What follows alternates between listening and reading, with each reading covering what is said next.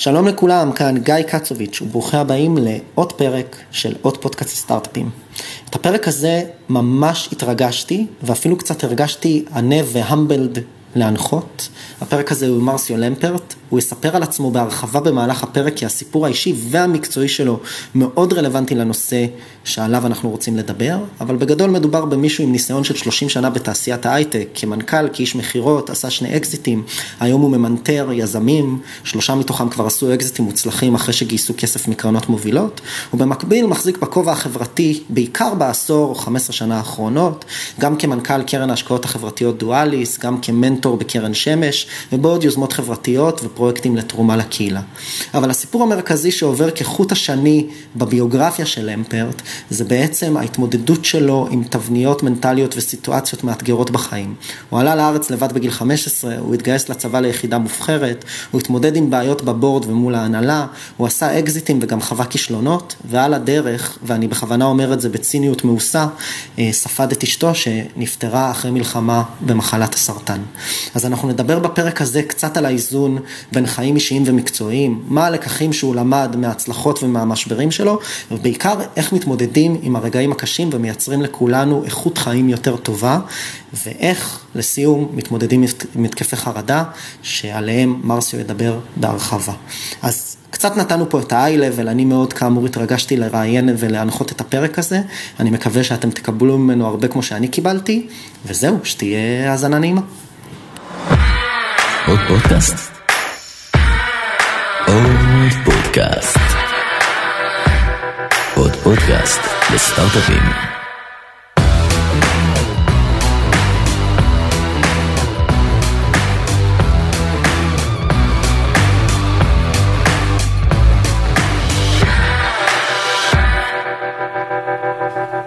מרסיו, מה קורה?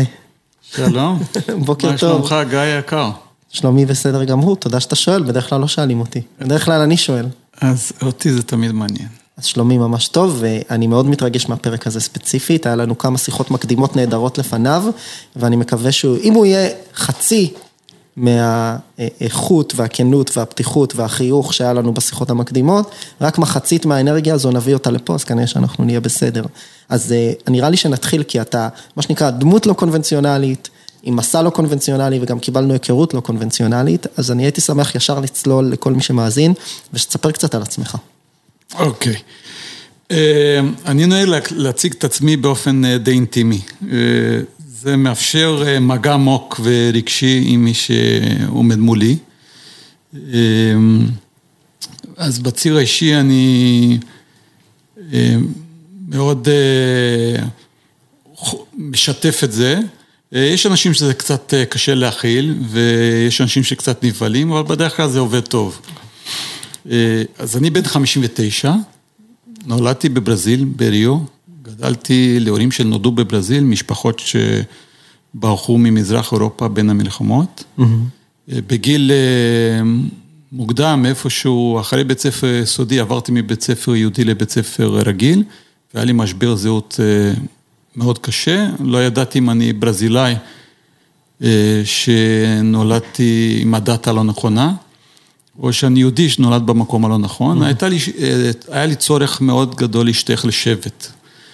וביקשתי טיול לארץ, באתי לארץ לחודשיים לטיול עם קבוצה של נערים, וכשהגעתי לארץ הבנתי שפה כולם יהודים, שזה הפליא אותי מאוד. ובסוף אותו טיול אה, התקשרתי להורים שלי ואמרתי להם שאני לא חוזר. בן כמה היית? הייתי בן 15. אוקיי. אמרתי להם שאני לא חוזר, במהלך הטיול גם שלחתי איזו גלויה מאוד מרגשת להורים שלי שביקשתי מהם שהם ישמרו, שיש לי אותה עד היום. ומיון ליאון חזרתי לארץ, היה ויכוח גדול, ועשרה חודשים אחרי זה כל המשפחה עלתה לארץ. אז עליתי בגיל 16, אה, סיימתי תיכון, אה, עלינו לנתניה, כי הבטיחו לנו שהחופים בנתניה מאוד דומים לחופים בריו. אה, טריק ליהודים ציונים קצת תמימים. סיימתי תיכון, סיימתי לימודי אלקטרוניקה מחשבים הנדסאים לפני הצבא, והחלטתי שאני חייב להיות קרבי, התנדבתי לקורס חובלים, הלכתי לגיבוש, אני בקושי יודע עברית, רק רצתי אחרי אנשים. וסיימתי קורס חובלים והייתי שש שנים בחיל הים, שירות אה, מדהים. אחרי, התגייסתי בגיל 21, אז התגייסתי מאוחר, כשהשתחררתי כבר הייתי נשוי עם ילד בן חצי שנה, השתחררתי בגיל 27. וישר צלעתי לעולם הייטק, קובי ריכטר גייס אותי, קובי ויוחאי ריכטר גייסו אותי לסטארט-אפ שהיה בזמנו, שקראו לו אורבוט, לימים רובוטק, ובדיוק התחילו להקים את הסניף בארצות הברית, ושלחו אותי בתור מהנדס שירות לפיילוט מול IBM, נסעתי לשנתיים, הפיילוט מאוד הצליח, ובסוף נשארנו שש שנים בארצות הברית. התקדמתי ניהולית, ובסוף התקופה ניהלתי אופרציה גדולה של תמיכת לקוחות עם כ-50 עובדים, אמריקאים וישראלים, גם השלמתי תואר במנהל עסקים. וחזרנו לארץ, הלכנו לגור בצפון, ביישוב קהילתי, היה לנו גם רצון לציונות, ובהיבט של הקריירה החלטתי שאני רוצה להיות מנכ"ל יום אחד, והחלטתי שכדי להיות מנכ"ל כדאי לי לעבור למכירות. אז מרום תפקידי כסמנכ"ל ירדתי להיות איש מכירות זוטר, זוהר זיסאפל גייס אותי לחברת רד, והתחלתי למכור ציוד תקשורת, בהתחלה בדרום אמריקה ודרום אירופה, אחרי זה התקדמתי ומכרתי לתפקיד יותר בכיר והקמתי קבוצת מכירות למזרח הרחוק, הייתי על הקו, פתחתי משרד בהונג קונג ובהמשך בבייג'ין, הרבה מאוד עסקים במזרח הרחוק, עם סין, יפן ובכל המזרח. עדיין בוקטור של המקצועי, החלטתי אחרי כמה שנים שזה הלך לי טוב מדי וקל מדי, והחלטתי שאני חייב להצטרף לסטארט-אפ.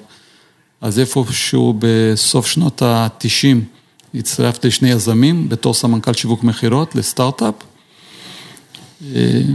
ושם הייתי ארבע שנים, התחלנו מכלום, לא איזה אקזיט מדהים, אבל הגענו לאיזה 30 עובדים וכמה מיליוני דולרים מכירות.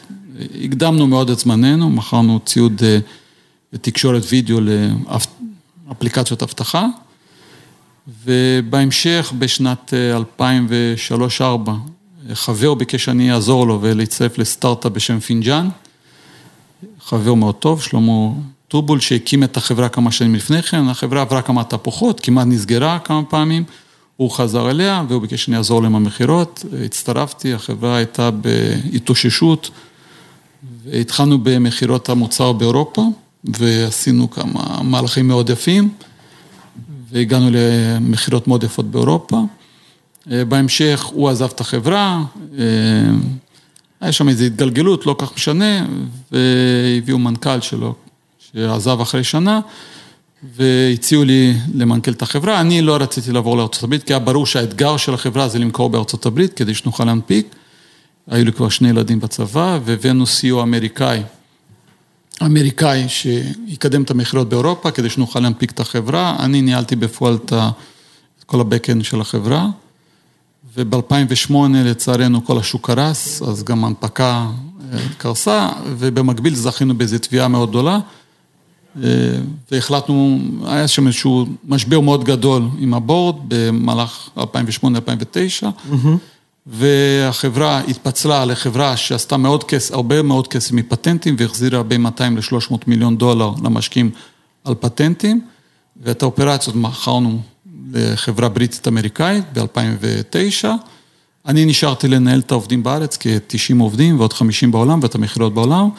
וב-2012 מכרנו את החברה פעם שנייה לחברה סייבר גדולה בשם TrustWave ושם החלטתי שהפרק של שכיר בכיר בהייטק הספיק לי, ואני הולך לעשות משהו אחר בחיים, שזו הייתה החלטה מאוד קשה, אבל החלטתי שעשיתי קריירה מדהימה, מספקת, מתגמלת, גם עשיתי מספיק לביתי, ואני הולך לנוח, לראות את הילדים קצת, לעשות משהו טוב לעולם.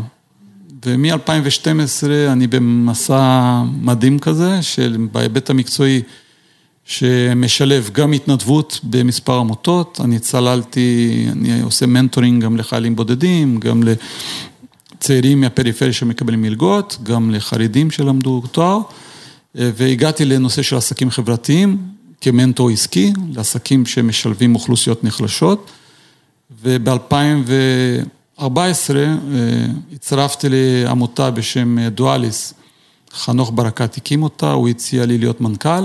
אז הייתי כשלוש שנים מנכ"ל של קרן לעסקים חברתיים דואליס, שזה היה דבר מדהים, והיה לנו 14 עסקים חברתיים, עד לפני שלוש שנים, שלמעשה אה, החלטתי קצת לחזור להייטק, והיום, בשלוש שנים האחרונות אני משלב את החיים שלי, בערך 50 אחוז מהזמן שלי אני בנושא עמותות. אנחנו, אני בוועד מנהל של קרן שמש מקבוצת עוגן, כמו שאמרתי, אני עוסק הרבה במנטורינג. אנחנו, אני ביחד עם עוד שתי אה, נשים יקרות, סיסיל ולי, מקימים עמותה בשם גיטה, לקדם את כל נושא של impact-tech בארץ. ועוד רבע מהזמן שלי אני עוסק בנושא הייטק, אני גם דירקטור וקצת משקיע וגם אה, מנטור לסטארט-אפים, וזכיתי בשלוש שנים האחרונות ללוות שלושה סטארט-אפים ששלושתם עשו אקזיט, שזו חוויה באמת מיוחדת. ואני גם מלמד על יזמות, אה, גם כמרצה אורח בתוכניות MBA, ואני מרצה מן המניין גם אה, בזל, בבינתחומי וגם בתוכנית ארגוב. בהיבט האישי אה, גם עברתי כמה תפוחות, ב-2012, במקרה או שלא במקרה, אשתי, שגם היא הייתה אשת עסקים והייתה מנכ"לית של חברת מזון בארץ, חלתה במחלה קשה בסרטן ונפטרה בגיל 49, אה, אז זה למעשה שם אותי על מסלול מאוד מאתגר בהיבט האישי, אה, שלמעשה אילץ אותי להמציא את עצמי לא רק בהיבט המקצועי, אבל גם בהיבט האישי. וצלחתי את זה בצורה לא רעה, אבל זה לא היה, not a walk in the park, כמו שאומרים, אה, אבל אני מאוד שמח בחלקי, אני חושב שאני מודה היום שכמעט כל מה שאני עושה היום אני בוחר לעשות, וכל מה שאני עושה זה עם אנשים טובים שעושים לי טוב, יש לי שלושה ילדים נהדרים, אה, תום, נוי וטל, אה, תום בן 34, נוי בת 31, נשואה עם שני ילדים שילדה לפני יומיים, וטל בן 22. אה, אחרי שגרנו הרבה שנים בצפון, עברתי לתל אביב, ופתחתי בחיים חדשים.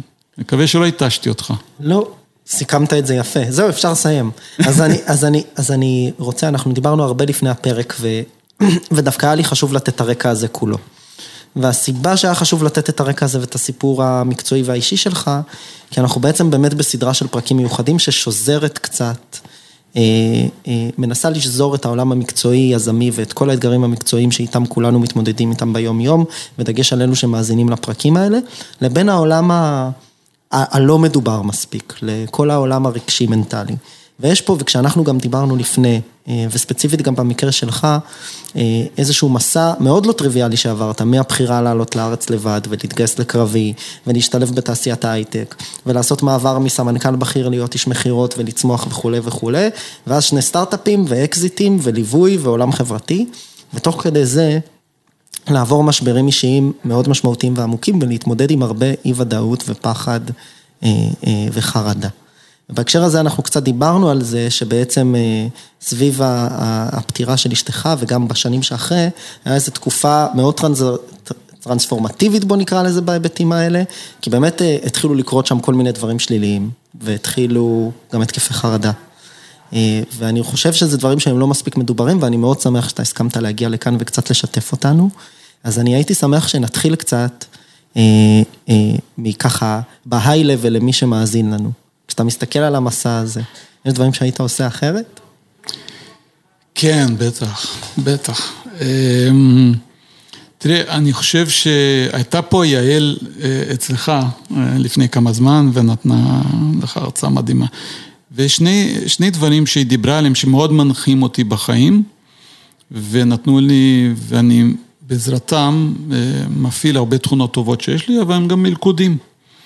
אז היא דיברה על צרכים המרכזיים שיש, זה need to belong, need to contribute, need to achieve, שזה הוא drive מאוד מרכזי אצלי. והדבר השני, דיברה על growth mindset, זאת אומרת, הגישה לצמיחה. לא, לא כולם מונעים מצמיחה, אבל אה, אה, אני אעשה משהו קצת שיפוטי, אני חושב שאנשים האיכותיים בעולם מונעים מצמיחה. Mm-hmm. והדברים האלה הניעו אותי בחיים אה, והביאו אותי להרבה הישגים. וזה באוטומט שלך מביא אותך להיות מאוד uh, target driven ו-go driven. Uh, ובדרך אתה קצת מזניח כמה דברים. אתה מזניח את הדרך, אתה לפעמים מזניח את עצמך ולא מספיק קשוב פנימה למה קורה אצלך, לפעמים אתה מזניח אפילו את אהוביך, כי הם, להם הכי קל לסלוח לך. ואצלי, אני חושב שהעשר, 12 שנים האחרונים הבילו אותי, לשמחתי, לעשות איזשהו שינוי, שאם הייתי, שהלוואי והייתי עושה אותם לפני זה, אבל מזל שעשיתי אותם עכשיו, וכשאני מדבר עם אנשים צעירים, אני מאוד אוהב לשתף, כדי שאולי ימצאו איזה דרך לאזן, ולא להיות כל כך קיצוניים, כמו שאני הייתי בנגיד שני פרקים מאוד דיכוטומיים בחיי. Mm-hmm. צעד אחד שהיה מאוד מונחה מטרה והישגיות ותחרותיות, והצד השני שהיה הרבה יותר רך, הרבה יותר קשוב. שגם גרם לי להתמודד עם דברים לא פשוטים, שאתה פתאום חופר על עצמך ומגלה כל מיני דברים בעבר שמפעילים אותך, שהם גם מכשיל אותך, אז זה לא פשוט, זה גורם לצמיחה, אבל צמיחה לא פשוטה, היא, היא קשה. מה קרה שגרם לשינוי, או מה, או מה האירועים שהיו שגרמו לשינוי? אני חושב שאם אני מסתכל אחורה, אירוע מאוד גדול שהיה לי ב-2008-2009, כשחברת פינג'אן הייתה, הייתי שם כבר כמה שנים טובות, והחברה זה היה baby שאני מאוד אהבתי את החברה ואת האנשים, והיינו בדרך לאקזיט גדול ולהנפקה, והיה שם משבר מאוד גדול, שעם מעורבות של הבורד, תרגיל שמאוד פגע בי, וזו פעם ראשונה שהייתי בחברה שאמרתי, זהו, אני זורק את הכל ועובר. ואמרתי, איך זה יכול להיות? נותן את חיי לחברה ולעבודה, ואני פתאום מגיע למצב שאני רוצה לעזוב. והחלטתי להתחיל לאזן בין החיים האישיים שלי לעבודה. זו פעם ראשונה שנתתי את הדעת בצורה רצינית על הדבר הזה. ודבר טריוויאלי כמו למצוא לעצמי תחביבים. כבר אז אני רצתי הרבה והייתי אחרי מרתונים, אבל לא תחביבים יותר רגשיים, והחלטתי שאין לי מספיק חברים. אז התחלתי להשקיע בחברות ולמצוא אנשים שעושים לי טוב. אני חושב שזה המשבר שבא דווקא מהתחום המקצועי, שגרם לי קצת לעצור, לנשום ולהבין. זה המשיך בזה ב-2012, שהחלטתי שאני פורש מעבודה ומאתגר את עצמי, איך אני יכול לעצב לעצמי זהות שהיא לא קשורה לעבודה. שואלים אותי מה אתה, אתה מנכ"ל, זה מאוד קל. אמרתי בוא נאתגר את עצמך, אם אתה ממציא את עצמך מחדש ומפתח לעצמך זהות שהיא לא קשורה למקום עבודה, ובמקביל לצערי רצה גורל המחלה, שנחשפתי למחלה קשה ולמדתי מהבת זוג שלי המון דברים בהיבט הזה, מההתמודדות, בהמשך הפרידה, וגם מזה למדתי הרבה, ומאז שמונה שנים מדהימות של עשייה ופגישה של אנשים טובים, ואני מוצא את עצמי היום שעשר, אחת עשרה שנה אחרי 2009, שאני פשוט בן אדם אחר לגמרי, זאת אומרת, חוץ משלושת הילדים שיש לי, אני בן אדם שנראה אחרת, גר במקום אחר, עם חברים אחרים, חושב אחרת, שזה ברכה גדולה. אני רוצה שנייה שנהיה מיינדד לאנשים שמאזינים לפרק הזה, הרי רובם או יזמים ויזמות באמת בתחילת הדרך, או כאלה שלפחות מתעניינים בתחום. ואני חושב שגם סדרת הפרקים האחרונה הוסיפה לנו עוד כמה מאזינים שמתעניינים קצת בחיבור בין חומר לרוח. אז אני רוצה קצת לשאול, לא איזה בן אדם נהיית, כי אני חושב שאנחנו נלמד את זה תוך כדי הפרק, אלא כשאתה מסתכל על התהליך שעברת, מה אתה מוצא בו, איך אתה מאפיין אותו, ב-high-level או אפילו ב-low-level. ומה אנשים שמאזינים לפרק יכולים ללמוד מהתהליך הזה? אני חושב שבסך הכל, אם יש כמה אלמנטים שאני חושב שהם מרכזיים, שחשוב לשים עליהם לב, אני חושב שיש כמה אלמנטים שאני אגע, שאני חושב שמאוד חשוב לעצב, וזה גם בסוף יביא את האנשים לתוצאות יותר טובות עם עצמם ובחיים. אז כמו שאמרתי, האיזון הזה הוא מאוד חשוב. האיזון הזה בין להיות goal driven ו-target driven ותחרותי והישגי, זה חשוב, כי למי שלמעשה מונע מצמיחה, זה לא, הוא לא יתקדם. מצד שני, לדעת לעצור ולהסתכל על הדרך. כי אם אתה יותר מדי נעול מטרה, אתה בדרך מפספס את הפניות שיכולת לפנות, ויכול להיות שהן היו מביאות אותך למקום יותר טוב. אז האיזון הזה, וצריך קצת משניהם כל הזמן, לדעת מתי להיות נעול מטרה ומתי לעצור רגע ולהתבונן רגע בפנייה ולראות אם אתה לוקח אותה או ממשיך הלאה.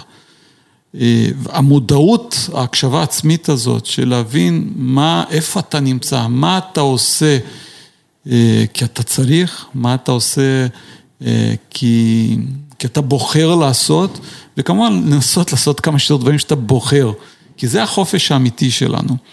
ו, והאומץ, אני חושב שהאומץ זה דבר מאוד חשוב, גם האומץ לקבל החלטות שהן קשות, וגם האומץ לתקשר דברים קשים. Mm-hmm.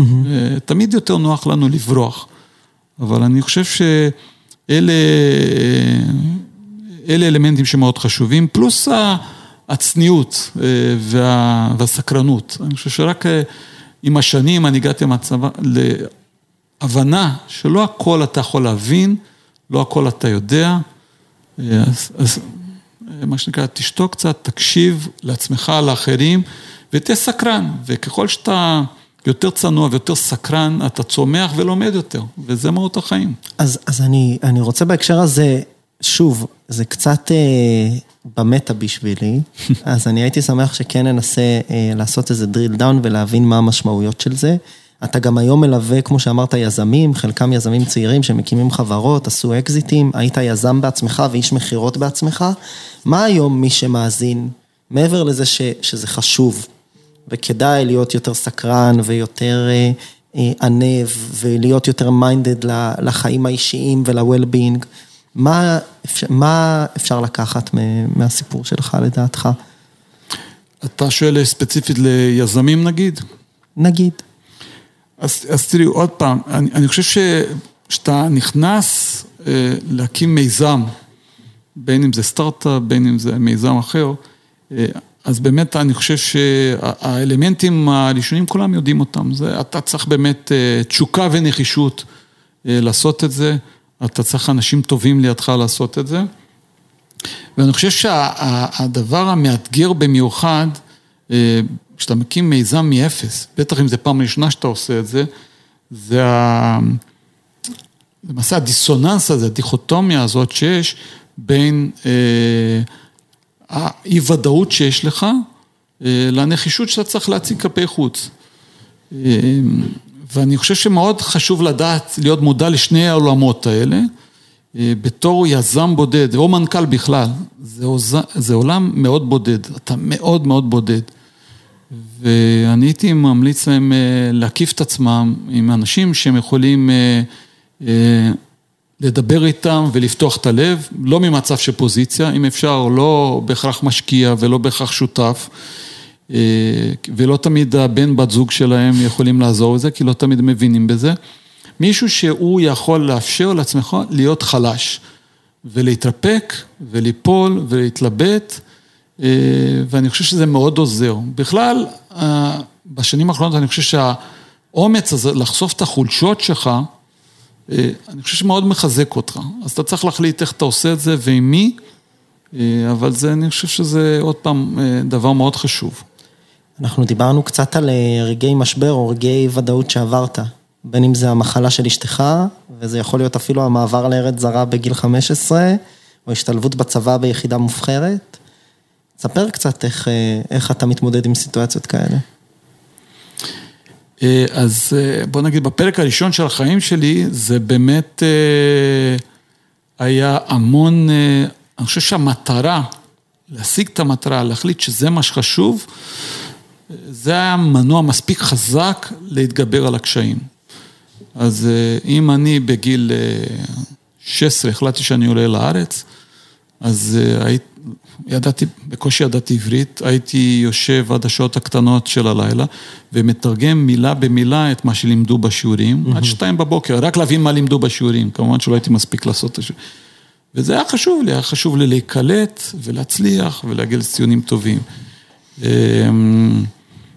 ואם החלטתי שאני מתנדב לקורס חובלים והיה חשוב לי, אז אמרתי, אני עכשיו, למרות המגבלה של השפה והבנה, יש עכשיו כולם רצים, אז אני רץ כמו כולם. אז הצורך להצטיין, שהוא, אני חושב שהוא דבר מקסים ומביא תוצאות, אבל יש בו גם מכשלות. כן. זה מגיע ממקום שאני גם חקרתי אותם, של להגיע להישגים כדי לרצות, לא רק את עצמי, לפעמים את הסביבה, וגם להגיע לאהבה. אז אני חושב שזה מאוד חשוב, וזה מה שהניע אותי רוב הזמן. בפרק השני של החיים שלי הבנתי ש... סליחה, ההישגיות היא, היא לא, זה לא הדרך היחידה להגיע למטרות. ולפעמים דווקא כשאתה משחרר, כן. אז אתה מגיע, אני יכול לספר כמה סיפורים לדוגמה. אתן לך דוגמה דווקא מהשנים האחרונות, אני עשיתי איזושהי השקעה לא, לא קטנה, של עם איזה חבר, הייתי קצת מעורב ב algo trading ועשיתי כסף לא רע, וביום בהר אחד, אני לא אכנס לפרטים, לא משנה, סגרו איזה נייר ערך ואני הפסדתי שם לא מעט כסף. ו, ואני, זה ביאס אותי מאוד מאוד. ולמחרת הלכתי לרוץ כמו שאני עושה כמה פעמים בשבוע, ורצתי מול הים בתל אביב, ואמרתי לעצמי, אני חייב לעשות סוויץ' בראש. והייתי אומר לעצמי, תגיד, כמה כסף היית משלם לעצמך כדי שיהיה לך כל מה שיש לך היום? ואמרתי, וואלה, הרבה יותר ממה שהפסדתי.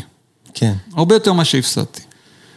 וניסיתי בכוח, זה לא קל, לשחרר את העניין הזה, ושבוע אחרי זה חתמנו על אקזיט. עם הסטארט-אפ הראשון שליוויתי, אחרי שנה וחצי, והסכום שיצא לי הוא, הוא קצת יותר מאשר אני הפסדתי. ואתה אומר, וואלה, מה... קרמה. מה זה הקרמה הזאת? מה, איך היקום מסדר לך את הדברים? וזה עובד. אני לא מציע את זה כשיטה יחידה. אני חושב שעדיין צריך לעבוד ולהתאמץ ולהיות כן נעול מטרה ונחוש ועם תשוקה. אבל צריך איזון בין הדברים. ואני רוצה לדבר על משבר קצת יותר משמעותי, אולי, או לפחות יותר עדכני, המחלה. מה, מה, יש שם כמה דברים ש, שאני מזהה. אחד, זה אירוע שקשור אליך אישית וקשור לאהוביך. שתיים, הוא פוגש אותך במקום, מה שנקרא, אני מסתכל על זה לא כמו על אובדן של כסף, או על אובדן מקצועי, כי הוא בעצם קודם כל אישי. והוא בא לצד החיים המקצועיים, בין אם הולך טוב במקצועי או לא. קצת אם אתה יכול לשתף. כן, אז אני חושב שזה בדיוק, גם כן, בדיוק בתפר בין שני המודים האלה של, של חיים. אם אני הייתי עם בת זוג מדהימה, 30 שנה ביחד, מתוך זה כ-25 שנות נישואים, שהמחלה פגשה אותה. אז היא המשיכה לעבוד, כי לא, לא היה ברור לנו שזה בכלל משהו מסוכן. אז אם בפאזה הראשונה הייתי, אני החלטתי שזהו, שזה עוד פרויקט בחיים, ואני לוקח את זה כמשימה, ואני הולך ללמוד את הנושא ולהתמקצע, וגם לא, לא רק להיות בן זוג תומך, אבל לנהל את הפרויקט הזה, לנהל את הפרויקט הזה כדי לנצח בו, כי זאת הדרך היחידה. ללמוד, להיות עקבי, נחוש ולנצח.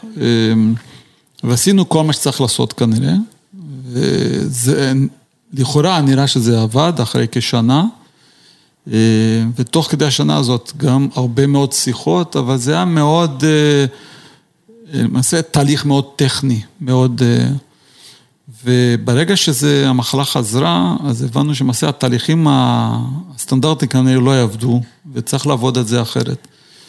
ומבפאזה השנייה של המחלה נחשפתי לכל מיני דברים מדהימים, גם מאנשים שטיפלו בה וגם מה... למעשה, שיחות והחיים עם, עם אשתי עופרה. וגיליתי כלים מדהימים שהם דווקא שונים לגמרי מהשיטה הראשונה, כמו דמיון מודרך למשל. זה היה מדהים לגלות שיש אנשים שהצליחו לרפא את עצמם, וזה לא אגדות, אני פגשתי אותם, הצליחו לרפא את עצמם במחלות קשות עם דמיון מודרך. כמה המוח יכול להיות עוצמתי. וזה עולם נפלא, כי אתה יכול להשתמש בדמיון שלך להשיג דברים אחרים בצורה הרבה יותר רכה מאשר בכוח ובעוצמה. אז זה דוגמה של משהו שגיליתי. אני יכול גם לשתף שלמחרת היום שנפטרה, אז התקשרתי לאותה מטפלת שטיפלה בחודשיים האחרונים ואמרתי לה, תשמעי, תוך כדי ריצה, הלכתי לרוץ כי הייתי חייב להשתחרר, אז היה לי מין חיזיון מדהים, שבאוטומט שנכנס להיכנס למוד של עבודה, בוא נראה במי אני צריך לטפל, מה אני צריך לעשות, ופתאום עצרתי רגע, אמרתי, מה, אני דואג לכולם, ומה איתי? והיה לי את החיזיון הזה של המטוס, שמציגים את הסרטון הדרכה הזה של הנפילת אה, חמצן, של המסכה, שמבוגר יושב ליד ילד. אומרים, שים את המסכה על עצמך, לא, לפני שאתה שם על הילד. שים לעצמך, בדיוק, שים לעצמך לפני שאתה שם על הילד. שבאוטומט אתה הולך, היית אמור ללכת לדאוג לילד. נכון. והתקשרתי לאותה מטפלת, אמרתי, תשמעי, את לא צריכה לבוא לפה הביתה בגללה, אבל תמשיכי לבוא לפה, אני אמשיך לבוא אלייך כדי לטפל בי. והלכתי לאותה מטפלת ארבע שנים רצוף, שבוע, שבוע אחרי זה.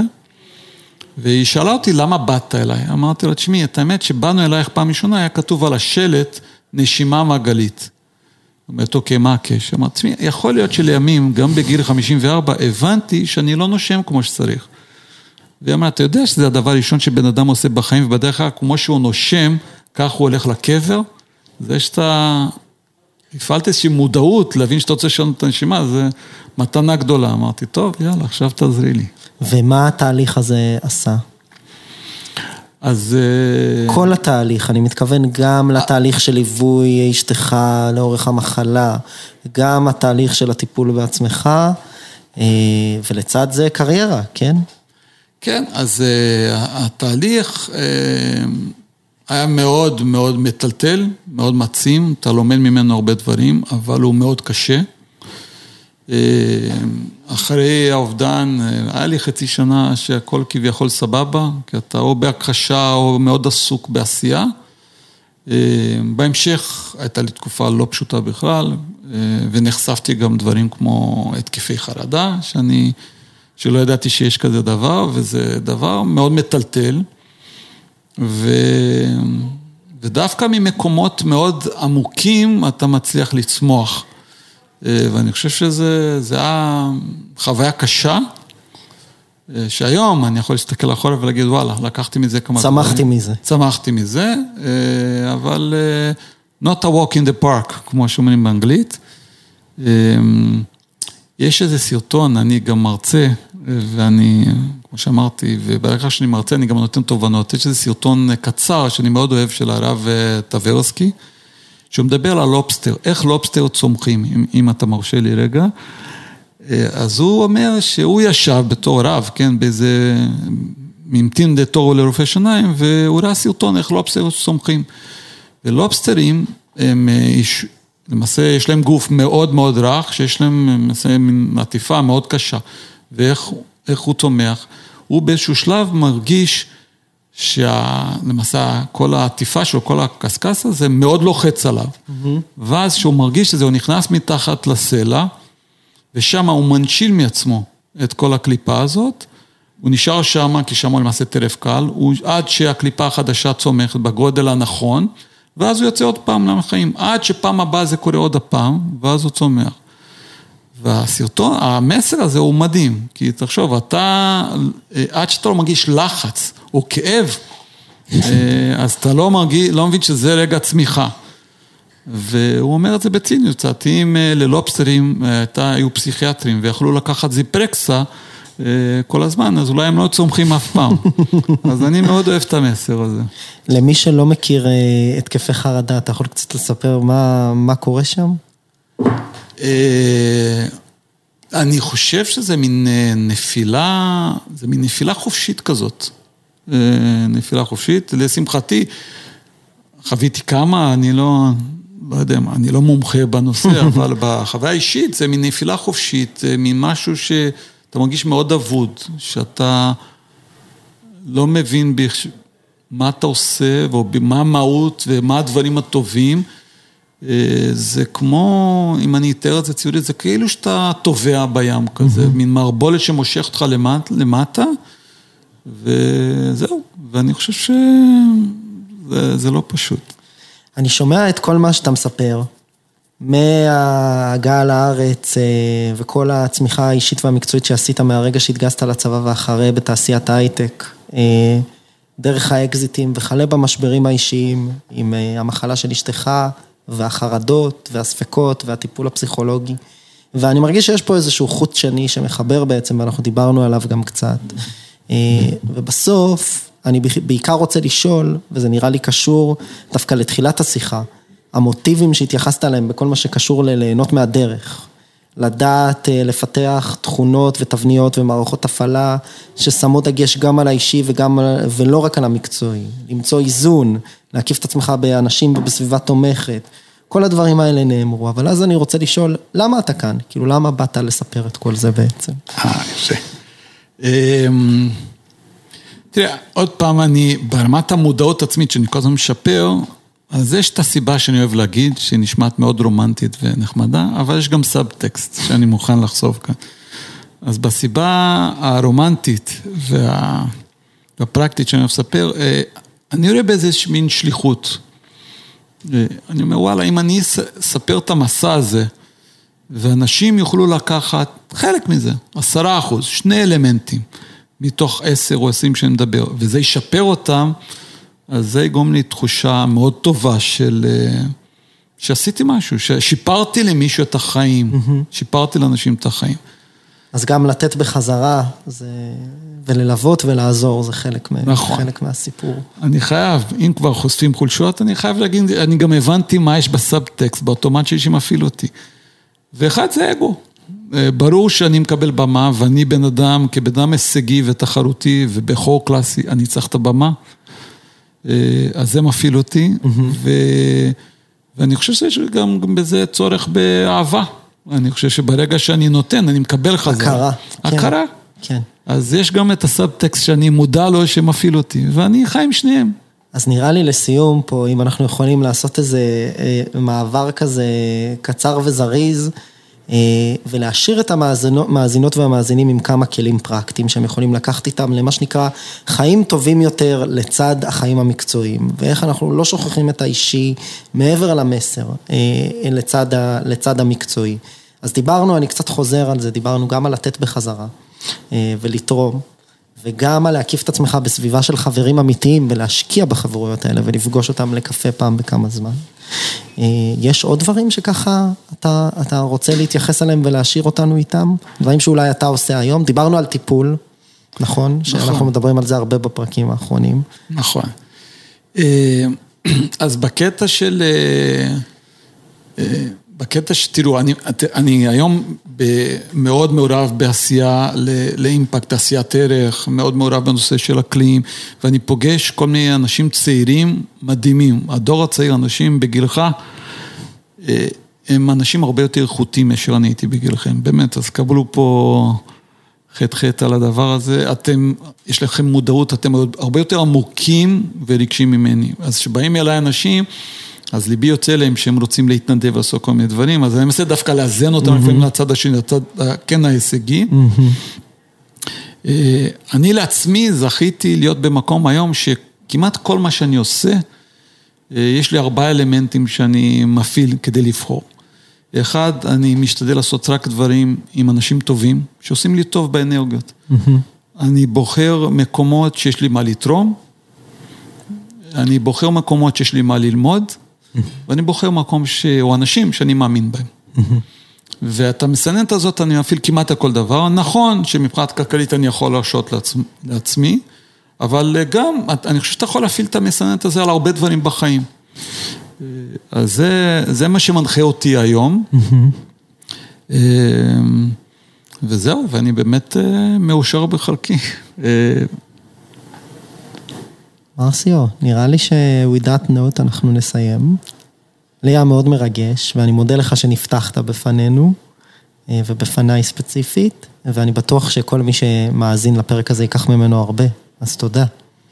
תודה גיא על ההזדמנות, נהניתי. בכיף, תודה רבה.